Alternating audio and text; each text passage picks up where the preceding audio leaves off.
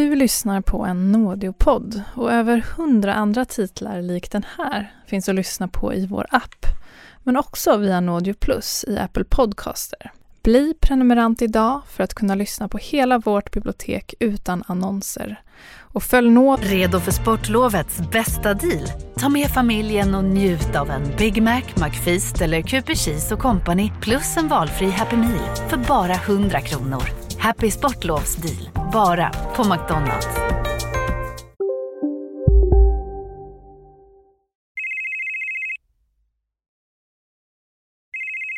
Det är lördag kväll och jag får ett samtal på mobilen från ett nummer som jag inte känner igen. Jag svarar och det är en kvinna som, som ringer och är väldigt, väldigt, väldigt uppjagad och rädd. Och vill och vädjar till mig att jag ska hjälpa henne. Hon är företagare och behöver hjälp med, eh, med familjen. Vi hör Johanna Bäckström Lärneby berätta. Hon är journalist och författare och har skrivit boken Familjen.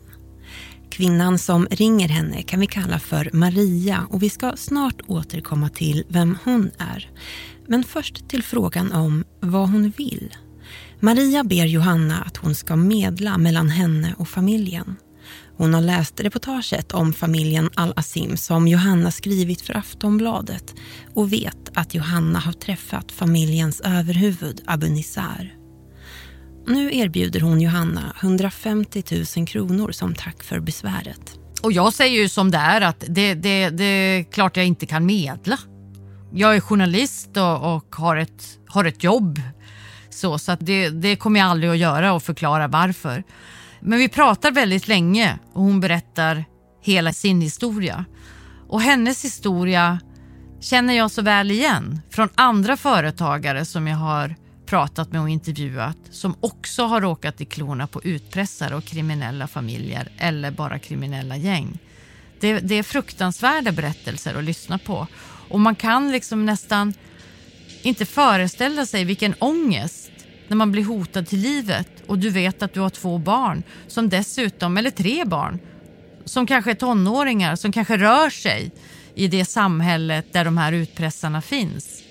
Det är eh, en oerhört stressad situation. Johanna Bäckström Lärneby bestämmer träff med Maria för att höra mer om hennes situation. Hon tar spårvagnen till Marias café som ligger vid ett förortstorg i Angered. En medelålders kvinna med mörk hästsvans hälsar henne med ett brett leende. Det är kväll och snart dags för stängning i det hemtrevliga kaféet. Maria pratar snabbt när hon berättar om hur allt började. Först fick hon flera hotfulla sms från ett okänt nummer. Hon tänkte att någon måste ha fått fel nummer och tog inte meddelandena på allvar. Men de hotfulla smsen fortsatte komma. Det var främmande utpressare som krävde att hon skulle betala en skuld på 200 000 kronor. Maria förstod ingenting. Hon har aldrig varit skyldig någon några pengar och hon har ingen aning om vilka de här utpressarna är. Men med växande obehag börjar Maria inse att de som skriver faktiskt vet vem hon är och att det faktiskt är henne de är ute efter. Det visar sig att skulden från början har hört till hennes exman. En man hon inte haft kontakt med på många år. Indrivarna menar att när exmaken inte betalat så måste hon nu ta över skulden. Det här tycker Maria såklart är helt absurt. Hon försöker få tag på sin före detta man för att han ska reda ut situationen. Men då visar det sig att han har flytt landet för att komma undan indrivarna. Maria börjar inse allvaret i situationen hon hamnat i. Hon är livrädd. Det spelar ingen roll hur mycket hon försöker förklara för indriven att hon inte har något med sin exman att göra. Istället bara stiger summan. Det hade börjat med 200 000 kronor. Nu kräver indrivarna en miljon. När Maria tar en paus i berättelsen ser hon sig om i sitt café. Utpressarna verkar tänka att hon som egenföretagare har mycket pengar och det är tydligen inte helt ovanligt att folk tvingas ta över skulder från någon familjemedlem som inte kan betala. Till och med om det är en familjemedlem som man skilt sig från. Hon vet inte vad hon ska ta sig till. Johanna säger att hon borde gå till polisen men det menar Maria att hon absolut inte kan göra. Kvällen börjar bli sen och till sist måste Johanna gå. Hon tänker ta nästa spårvagn. Och Maria säger till mig att det är absolut inte säkert att åka, åka spårvagn och du kan inte åka härifrån den här tiden på, på kvällen. Alltså, jag kör dig. Eh, ja, ja, absolut, kör du mig, mm, sa jag. Och, eh, och vi sitter i bilen och vi åker leden in till centrum, eller in mot centrum och eh, Maria börjar säga, du ser den där bilen? Den har följt efter oss hela tiden. Jag bara, Va, vadå vilken bil? Ja men ser du inte den bilen? Nu bytte jag fil och då bytte den bilen också fil. Nej, jag, nej men du inbillar. Nej jag gör inte det säger hon. Hon blir helt paranoid och bara ser sig om över axeln. Till slut så börjar hon påverka mig. Jag bara, gud är det någon bil som, som, eh, som förföljer oss? Och då har jag ju hela bakgrunden av Marias berättelse. Och eh, Maria är ju fortfarande kvar i den stadsdel som hon är utpressad. Där hon har bolaget och, och så. Och, eh, och, och jag känner mig att hon, jag smittas av hennes paranoia. Till slut så kör ju den här bilen om oss liksom. och det var väl ingen bil som följde efter oss. Det var helt random familj som var ute och söndags och åkte eller vad man nu kallar det. Så långt Marias berättelse. Men så är det också frågan om vem Maria egentligen är. Maria är en fiktiv karaktär lite ovanligt att jobba på det sättet när man är journalist och, och är van att jobba dokumentärt som jag är. Eh, men just i det här fallet så hade jag inte riktigt något val. Det är en fråga om säkerhet. Det är viktigt att ingen av de personer som vågar berätta vad de utsatts eller utsätts för får sin identitet avslöjad. Så därför valde jag att göra på det här sättet att Maria är liksom en person, hon, Maria är inte en person utan Maria är flera olika företagare som jag har intervjuat under årets lopp. En del har jag träffat på, en del har jag intervjuat och en del har jag hört om.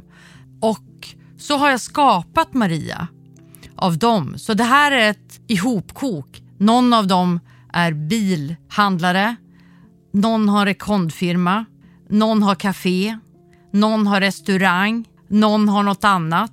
Så det finns en mängd olika företagare som jag har gjort till Maria.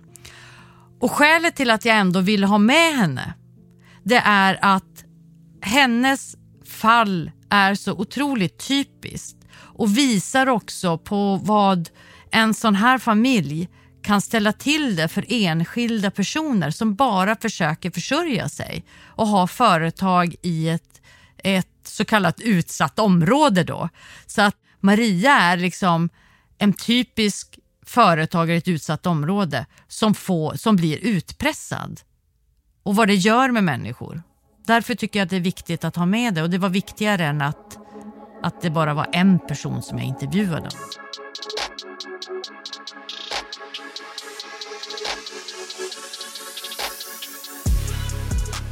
Du lyssnar på tredje delen av Familjen. En dokumentär baserad på boken Familjen av Johanna Bäckström Lärneby. Det är också Johanna Bäckström Lärneby som vi hör berätta.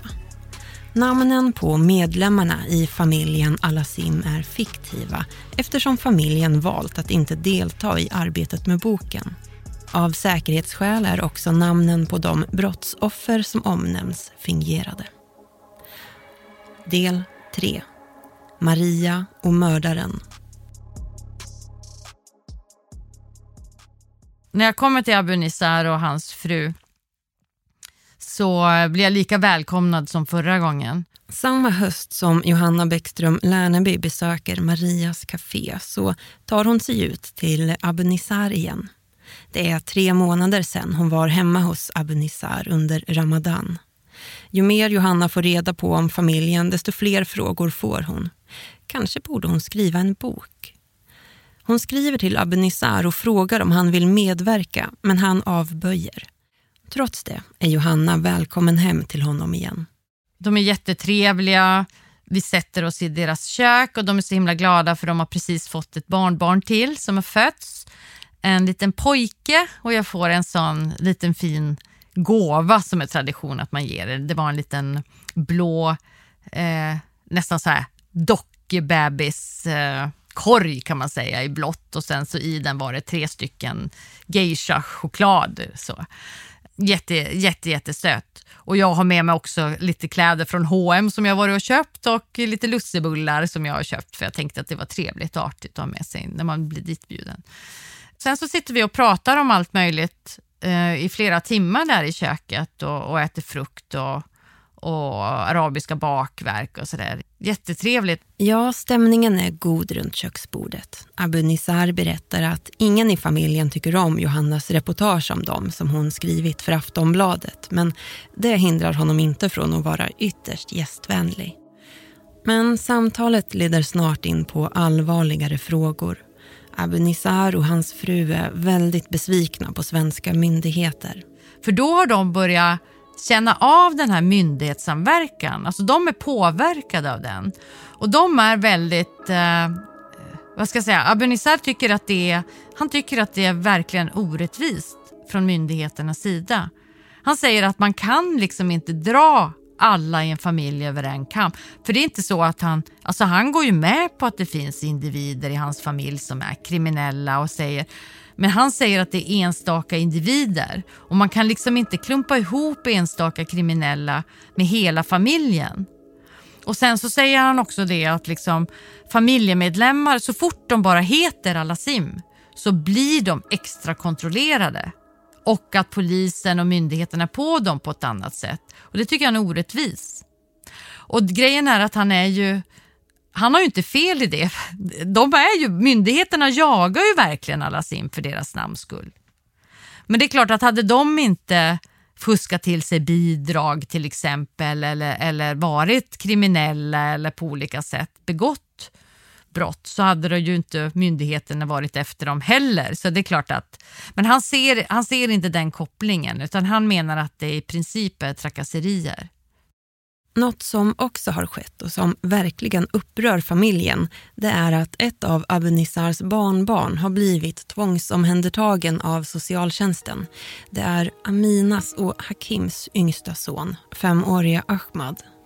Amina är ett av Abu Nisars äldsta barn. Hon är född 1977 och föddes i Libanon. Så hon var sju år när de kom till Sverige. Och när hon var 16 år så träffade hon Hakim. Han är två år äldre. Eh, de blir kära i varandra och, eh, eller i alla fall så gifter de sig efter ett tag. Amina och Hakim alltså. Vi har träffat Hakim tidigare och också flera av parets söner. Det var en av deras yngre söner, Farid Al-Asim, som knackade på rutan till McDonalds och pekade finger åt Mahmoud. Och det var hans äldre bror Faras som kom till Angeredsgymnasiet och deltog i misshandeln. Det var Hakim och flera av hans barn som väntade på Mahmoud en sen kväll vid Angereds värdshus med en Kalashnikov i bilen. Och det var Salim och Samir al-Asim, två äldre söner till Hakim och Amina som stoppade och misshandlade Mahmoud ett knappt år senare under Gotia Cup. Flera av sönerna har blivit anmälda av både skola och polis för att trakassera, hota och misshandla andra barn. De har blivit omhändertagna av socialtjänsten i omgångar men nu tas alltså också den lilla sladdisen, femåriga Ahmad, om hand av myndigheter. Och det är ett fruktansvärt övergrepp mot familjen. De är fruktansvärt illa berörda att den här lilla pojken har, har blivit tvångsomhändertagen. Och enligt eh, socialtjänsten då och eh, förvaltningsdomstolen det är förvaltningsdomstolen som fattar den här typen av beslut, så, så är skälet att eh, pojken lever i en våldsam och kriminell miljö och att det är familjen som är problemet. Och att de helt helt eh, saknar förståelse för, eh, för vilka behov som, som pojken har och de vill inte ha hjälp och så. Så att eh, det är därför som förvaltningsrätten då fattar det här beslutet om att han ska tvångsomhändertas. De är ju förtvivlade över att han är tvångsomhändertagen och, och, och väldigt, väldigt upprörda. Ja, det här upprör familjen djupt. För de menar liksom, vad kan han ha gjort för kriminellt? Han är ju bara fem år. Han kan ju inte ha hunnit göra någonting. Och de vill liksom inte se sin egen del i det här, att det är den här kriminella miljön som är skadlig för honom. För de menar att ett barn har det alltid bäst hos sin mamma och sin pappa oavsett hur miljön ser ut. Man kan inte ta ett barn ifrån sin mamma, särskilt inte ifrån sin mamma. Så de är oerhört upprörda och, och bestörta över detta och, och, söker upp socialtjänsten för att liksom försöka förhandla med dem och få tillbaka barnet. Eh, eh, Abunisar hör av sig till, till eh, Ulf Melander och vill att han ska se till att barnet att myndigheterna inte tar barnet och säger att barnet behöver sin mamma. Att de kan inte göra så här.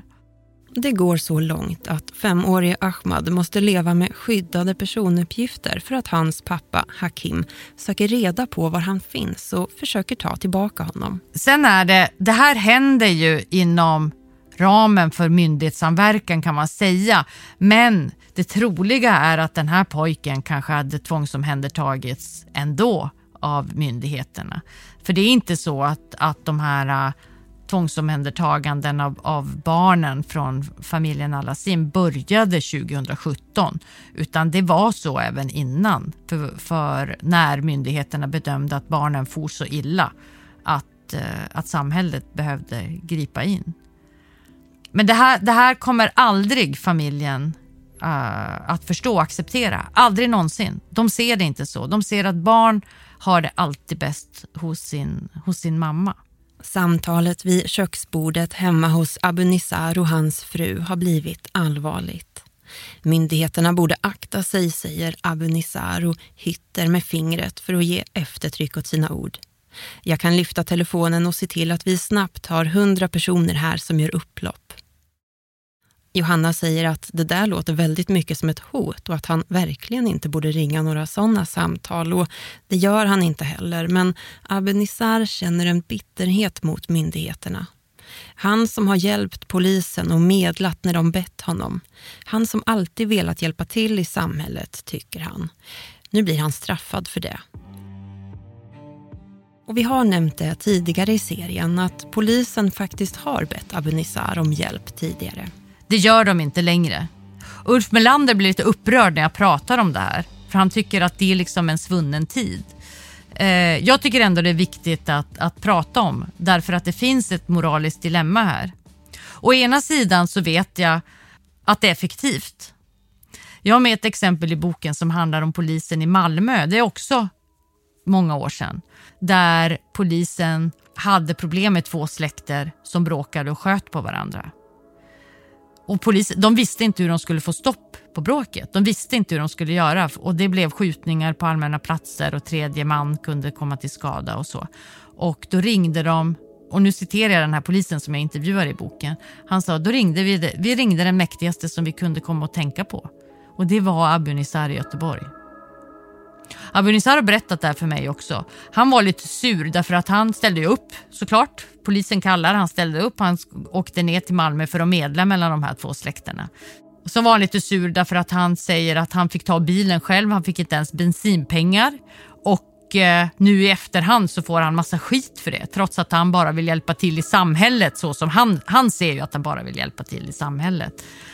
Uh, och polisen som jag pratade om som, som ringde honom och bad honom komma ner till Malmö och medla mellan släkterna. Han sa att eh, det funkar. De slutade bråka därför att de lyssnar på Abu Nizar. Och det är klart att det, det, det är frestande. Men problemet blir ju att eh, folk som bor i Angered som faktiskt ska ha förtroende för myndigheterna, då kan man inte liera sig med en som är ledare för maffian om man nu vill kalla dem för det. För då, hjälper man, då hjälps man åt och det, vem ska våga vittna mot familjen om de vet att polisen och familjen samarbetar? Det funkar inte på det sättet. Så det är därför de inte jobbar alls på det sättet nu. Nej, det funkar inte på det sättet. Inte i ett land som Sverige där man förväntar sig att rättsstatens principer efterföljs och där tilliten till de demokratiska institutionerna är hög. Men Abu Nissar kommer från ett samhälle där synen på staten, familjen och individen är mycket annorlunda. Du lyssnar på en Nådio-dokumentär och så här låter några av våra andra titlar som finns att lyssna på som prenumerant. Via vår app eller Apple Podcaster.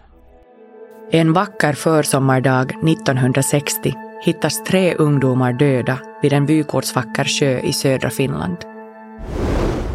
Det här är historien om plastikkirurgen Karl-Åke Troilius uppgång och fall. Ormen Friske flydde bombningen vid Helgoland.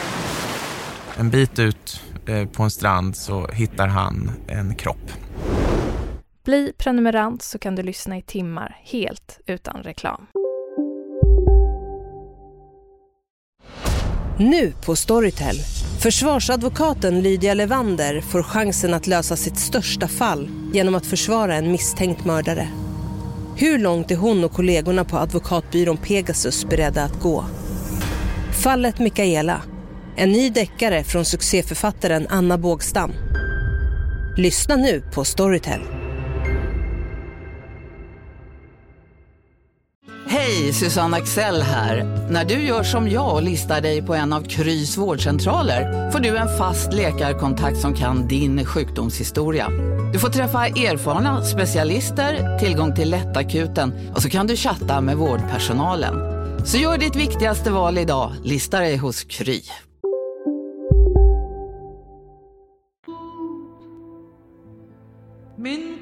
Abu Nissar föds 1956 i Libanons huvudstad Beirut. Dit har hans familj ett par decennier tidigare under mellankrigstiden vandrat från provinsen Mardin som ligger i södra Turkiet på gränsen till Syrien. Familjen är inte en liten grupp utan snarare en klan, en stor släkt eller till och med flera stora släkter och familjer som håller ihop genom släktband och genom att de alla kommer från provinsen Mardin. Familjen är fattig. I Mardin var de bönder och de saknar högre utbildning vilket gör att det är svårt att få kvalificerade arbeten i Beirut. Familjen har svårt att passa in i stan och hamnar i fattiga kvarter i Beiruts utkanter. Flickorna får inte gå i skolan och pojkarna går inte många år innan de börjar arbeta. Vilket gör att familjen hamnar i en ond cirkel där de aldrig tar sig bort från lågavlönade arbeten. I det här läget gör familjen som de har gjort i urminnes tider. De vänder sig inåt, hjälper varandra och den så kallade sedvanerätten är stark uråldriga gemensamma regler som är kollektiva. Om en person begår ett brott så är det hela släkten som får sona för det enligt sedvanerätten. Om en tvist uppstår mellan två släkter samlas de äldste och löser konflikten. Det slutar ofta med att en summa betalas av den familj som anses skyldig. Känner du igen resonemanget? Kommer du ihåg när Johanna besökte Abu Nissar första gången och de talade om att Abu Nissar hjälper till att lösa konflikter? Jag gör det här i Göteborg, i Malmö, i Malmö och annan stad också. Vi har löst det för så, så stora problem mellan folk. Men det tänker jag då som svensk som är uppvuxen här. Ska inte polisen lösa sånt?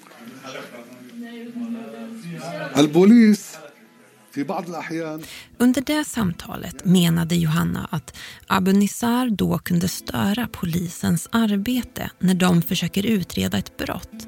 Men Abu Nissar försökte å sin sida förklara hur viktigt det är att han medlar mellan familjer i Angered eller andra delar av landet.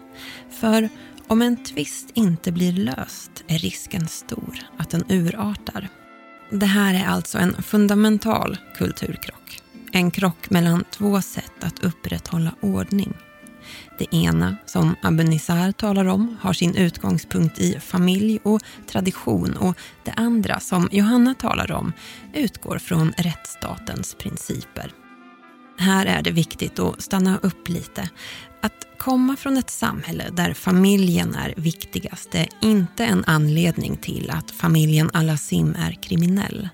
Det är heller inte alla medlemmar i familjen som är kriminella och det är inte kriminellt att stötta sin familj och hålla på traditioner.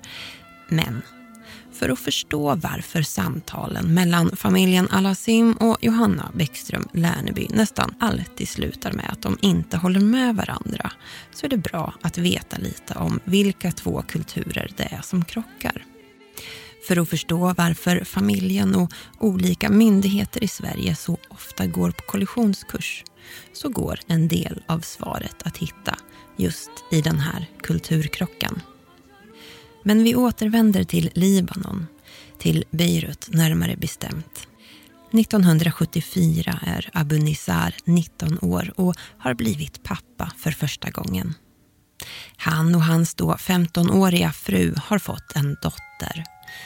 Men deras lycka blir kortvarig. Bara ett år senare bryter inbördeskriget i Libanon ut på allvar.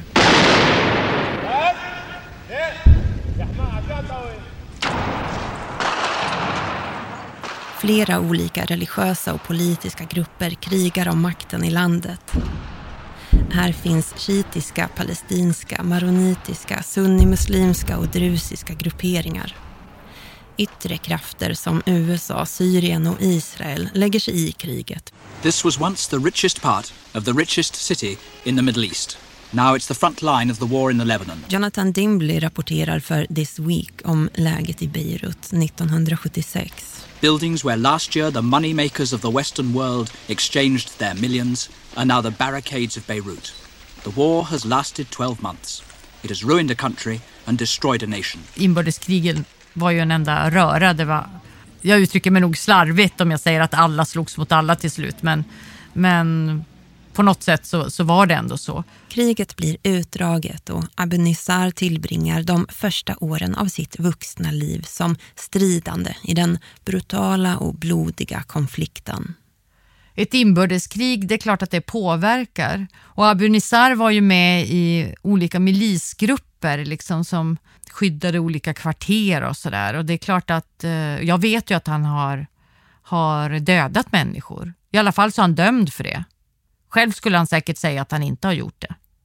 Så det är klart att det påverkar. Och han blev ju skjuten under kriget också, sårad i ryggen. Det är därför han är sjukpensionär i Sverige. Under åren när Abu Nizar strider i Libanon får han och hans fru fem barn. I mitten av 80-talet flyr de till Sverige. Deras då yngsta barn, Akim, är bara ett halvår gammal. Efter en månad i Sverige får den unga familjen uppehållstillstånd och 1989 får de svenskt medborgarskap. Johanna frågar en pensionerad polis som arbetat i Angered om han kommer ihåg Abu Nissar när han kom till Göteborg och det gör han tydligt. Han och Abu Nisar har väldigt mycket att göra med redan när Abu Nisar kommer till Sverige. För han kom ju till Sverige i mitten av 80-talet. Och han var redan då en ganska, ganska mäktig, eller ganska känd person, eh, berättade den här polisen för mig. Abu Nisar är, han är redan då respekterad. Eh, han startar ganska snabbt en moské som han är imam i. Vilket gör att han också får ännu mer makt och att han, att han blir en lärd man och så. Och den här polisen berättade för mig att Abinissar är alltid trevlig. Eh, väldigt, eh, man är alltid välkommen till hans moské. Han är, han är vänlig. Men han har också en annan sida som är väldigt våldsam. Och han kan vända och, och bli väldigt, väldigt, väldigt våldsam och skoningslös när det behövs. I alla fall när han tycker att det behövs. Ja, Abenizar har två sidor. Han kan vara trevlig och välkomnande men han kan också vara skoningslös. Och enligt Abenizar är det familjen, inte staten, som kan garantera en människas trygghet. Men som vi tidigare konstaterat så har landet som han och hans familj flytt till en väldigt annorlunda syn på den här frågan. Och krocken är fundamental. Det svenska samhället har inte plats för parallella strukturer. Det här känner familjen av på allvar efter operativa rådets beslut om den myndighetsgemensamma insatsen 2017. Polisen rapporterar så fort de har något alls att göra med familjen. Skatteverket granskar de olika familjemedlemmarnas företag in i minsta detalj. Försäkringskassan ifrågasätter assistansbidrag. Till och med Kriminalvårdens säkerhetsorganisation grundar sin bedömning om familjen Alassim i operativa rådets beslut. Efter 2017 blir de mer restriktiva vad gäller att bevilja telefonsamtal, besök eller permission för personer från familjen Alassim som finns i deras förvar. Också för Amina och Hakim ändras situationen drastiskt efter 2017. Det är Amina och Hakim som blivit av med sin lilla sladdis, femåriga Ahmad. Under åren har Hakim dömts för flera trafikbrott och mindre företeelser som inte leder till några långa straff. Men så beslutar alltså operativa rådet att dra igång myndighetssamverkan och istället för att bara titta på de enskilda incidenterna var för sig börjar polis och myndigheter skaffa sig en helhetsbild. När polisen besöker Amina och Hakim antecknar de nu också vad de ser och delar med sig av information till socialtjänsten och andra myndigheter. Något som polisen annars inte gör. Myndighetssamverkan får dramatiska konsekvenser för Amina och Hakim. Parets tre yngsta barn tvångsomhändertas. En tid senare fängslas deras tre äldsta söner dömda för narkotikabrott efter att polisen hittat stora lager kokain i källarförråd på Bredfjällsgatan där familjen bor. Kvar i lägenheten har Amin och Hakim bara sin 21-åriga dotter och nu vill fastighetsbolaget vräka dem, bland annat på grund av drogförsäljningen. 2017 döms Hakim för övergrepp i rättssak efter att ha hotat Mahmoud vid Angereds värdshus. Mahmoud är en av få som vågat vittna mot familjen. Det är det inte många som gör. Vi ska återvända till en av dem som råkat ut för familjen och som inte går till polisen. Du minns säkert Maria som äger ett café och som har en skuld hängande över sig. En skuld som bara växer ju längre tiden går. Maria blir ju mer och mer desperat av den här situationen som hon och familjen befinner sig i. Hon vet inte hur hon ska lösa den. Hoten fortsätter komma till Maria. Hemma har hon en tonårsdotter och där försöker hon bete sig som om allt är som vanligt. Hon vill inte berätta för dottern vad som verkligen pågår. Men ingenting är som vanligt. Varje morgon ställer sig Maria på knä vid bilen och letar efter bomber. När hon kör i rondeller tar hon alltid två varv för att se om någon följer efter henne. Hon är fast i en mardrömssituation som hon inte vet hur hon ska lösa. Och hon vet bara att hon kan absolut inte gå till polisen. Det finns liksom inte som alternativ. Utan hon måste lösa den själv. Hon är, eh, hon är jättestressad och ber folk om hjälp som hon känner eller bekanta. Liksom. Någon måste hjälpa mig. Hon vänder sig till en den ena än den andra i Göteborg. Maria blir till sist så desperat att hon ber en ledare till ett annat kriminellt gäng i stan om hjälp men inte ens han vill blanda sig i. På grund av att det handlar om familjen. Så till slut så får hon tag i en livvakt som kommer från Ryssland och heter Sasha som sitter och vaktar henne på bland annat hennes företag. Så är Sasha och vaktar henne. Maria berättar för Johanna att hon skaffat sig en mördare från Ryssland. Eller mördare säger hon, det är han väl inte men han skulle döda om det behövdes. Och han har lovat att hjälpa Maria. Och då känner hon sig lite tryggare. Johanna besöker Marias café. Hon vill träffa Sasha. Maria pekar mot kontoret och Johanna går dit. Inne i det trånga utrymmet sitter en stor man framför en datorskärm. Han tittar på övervakningsfilmer från kameror som Maria satt upp i kaféet. När jag träffar Sasha så, så säger han att... Eh, eller han sitter och suckar och, tycker, och skakar på huvudet åt svensk polis och tycker att det är väl bara liksom iscensätta en, en lösensumma och en överlämning av en lösensumma på något sätt för utpressarna. Och så, så kan polisen stå där och, och lurpassa och ta dem. Liksom. Och Eh, när jag pratar med honom om det här, nej men du vet det är brottsprovokation och man kan göra, det finns regler. Sasha säger att om det här hade varit Ryssland så skulle indrivarna ha åkt fast på en gång. Så att han har noll förståelse. Han verkligen bara skakar på huvudet och tycker att det liksom håller Sverige på med i, i, i Ryssland. Där hade det varit andra takter liksom och så här går det inte och så måste hon ha mig som livvakt liksom på grund av att polisen inte bara sköter sitt jobb eller vad. Så ser han det. Men de har ju en liten annan kanske poliskår då i Ryssland än, än vad man har i Sverige. Jag vet inte om vi ska vara glada eller ledsna för det. Maria går inte till polisen trots att Johanna flera gånger undrar om det ändå inte vore bäst. Hon vet att i ett sånt ärende skulle ord stå mot ord. Det är nästan omöjligt att bevisa att man utsatts för utpressning. Polisen patrullerar ofta utanför kaféet och det är inte ovanligt att de stannar och äter lunch hos henne. De har hört ryktena och vet vilken situation hon befinner sig i. Maria får ett speciellt telefonnummer till polisen som hon kan ringa om det blir bråk, men mer än så kan polisen inte göra. Maria har inte anmält någon. Hon är trött, helt utmattad och hon känner att hon måste sälja sitt café. Hon måste fly. Något annat alternativ kan hon inte se. Hon är arg, rasande över att indrivarna förstör det liv och den verksamhet som hon kämpat så hårt för att bygga upp. Men betala skulden vägrar hon göra. Inte en krona ska de få, säger hon bestämt.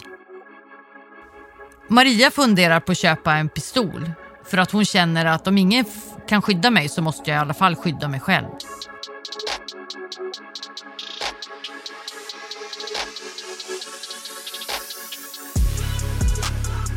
Du har hört tredje delen av Familjen. En dokumentär i fyra delar baserad på Johanna Bäckström Lernebys bok Familjen. I nästa avsnitt fortsätter Marias kamp mot indrivarna. En ensam kamp utan samhällets stöd. I den här sista, senaste konflikten ska vi säga då som eh, startade någon gång i mitten på augusti här då så har vi förstått att det är väldigt het temperatur. Och I Angered ser det ut som om en konflikt mellan Backagänget och familjen är på väg att eskalera till regelrätt gängkrig. Och när vi kom hit ett par minuter senare så eh, var det ett par polisfordon här och eh, sedan så kom det ytterligare då fordon efter fordon under den här pågående insatsen. Producent är jag, Frida Anund, exekutiv producent Tove Friman Leffler, mixning Kristoffer Kronander och det här är en produktion för Nådio.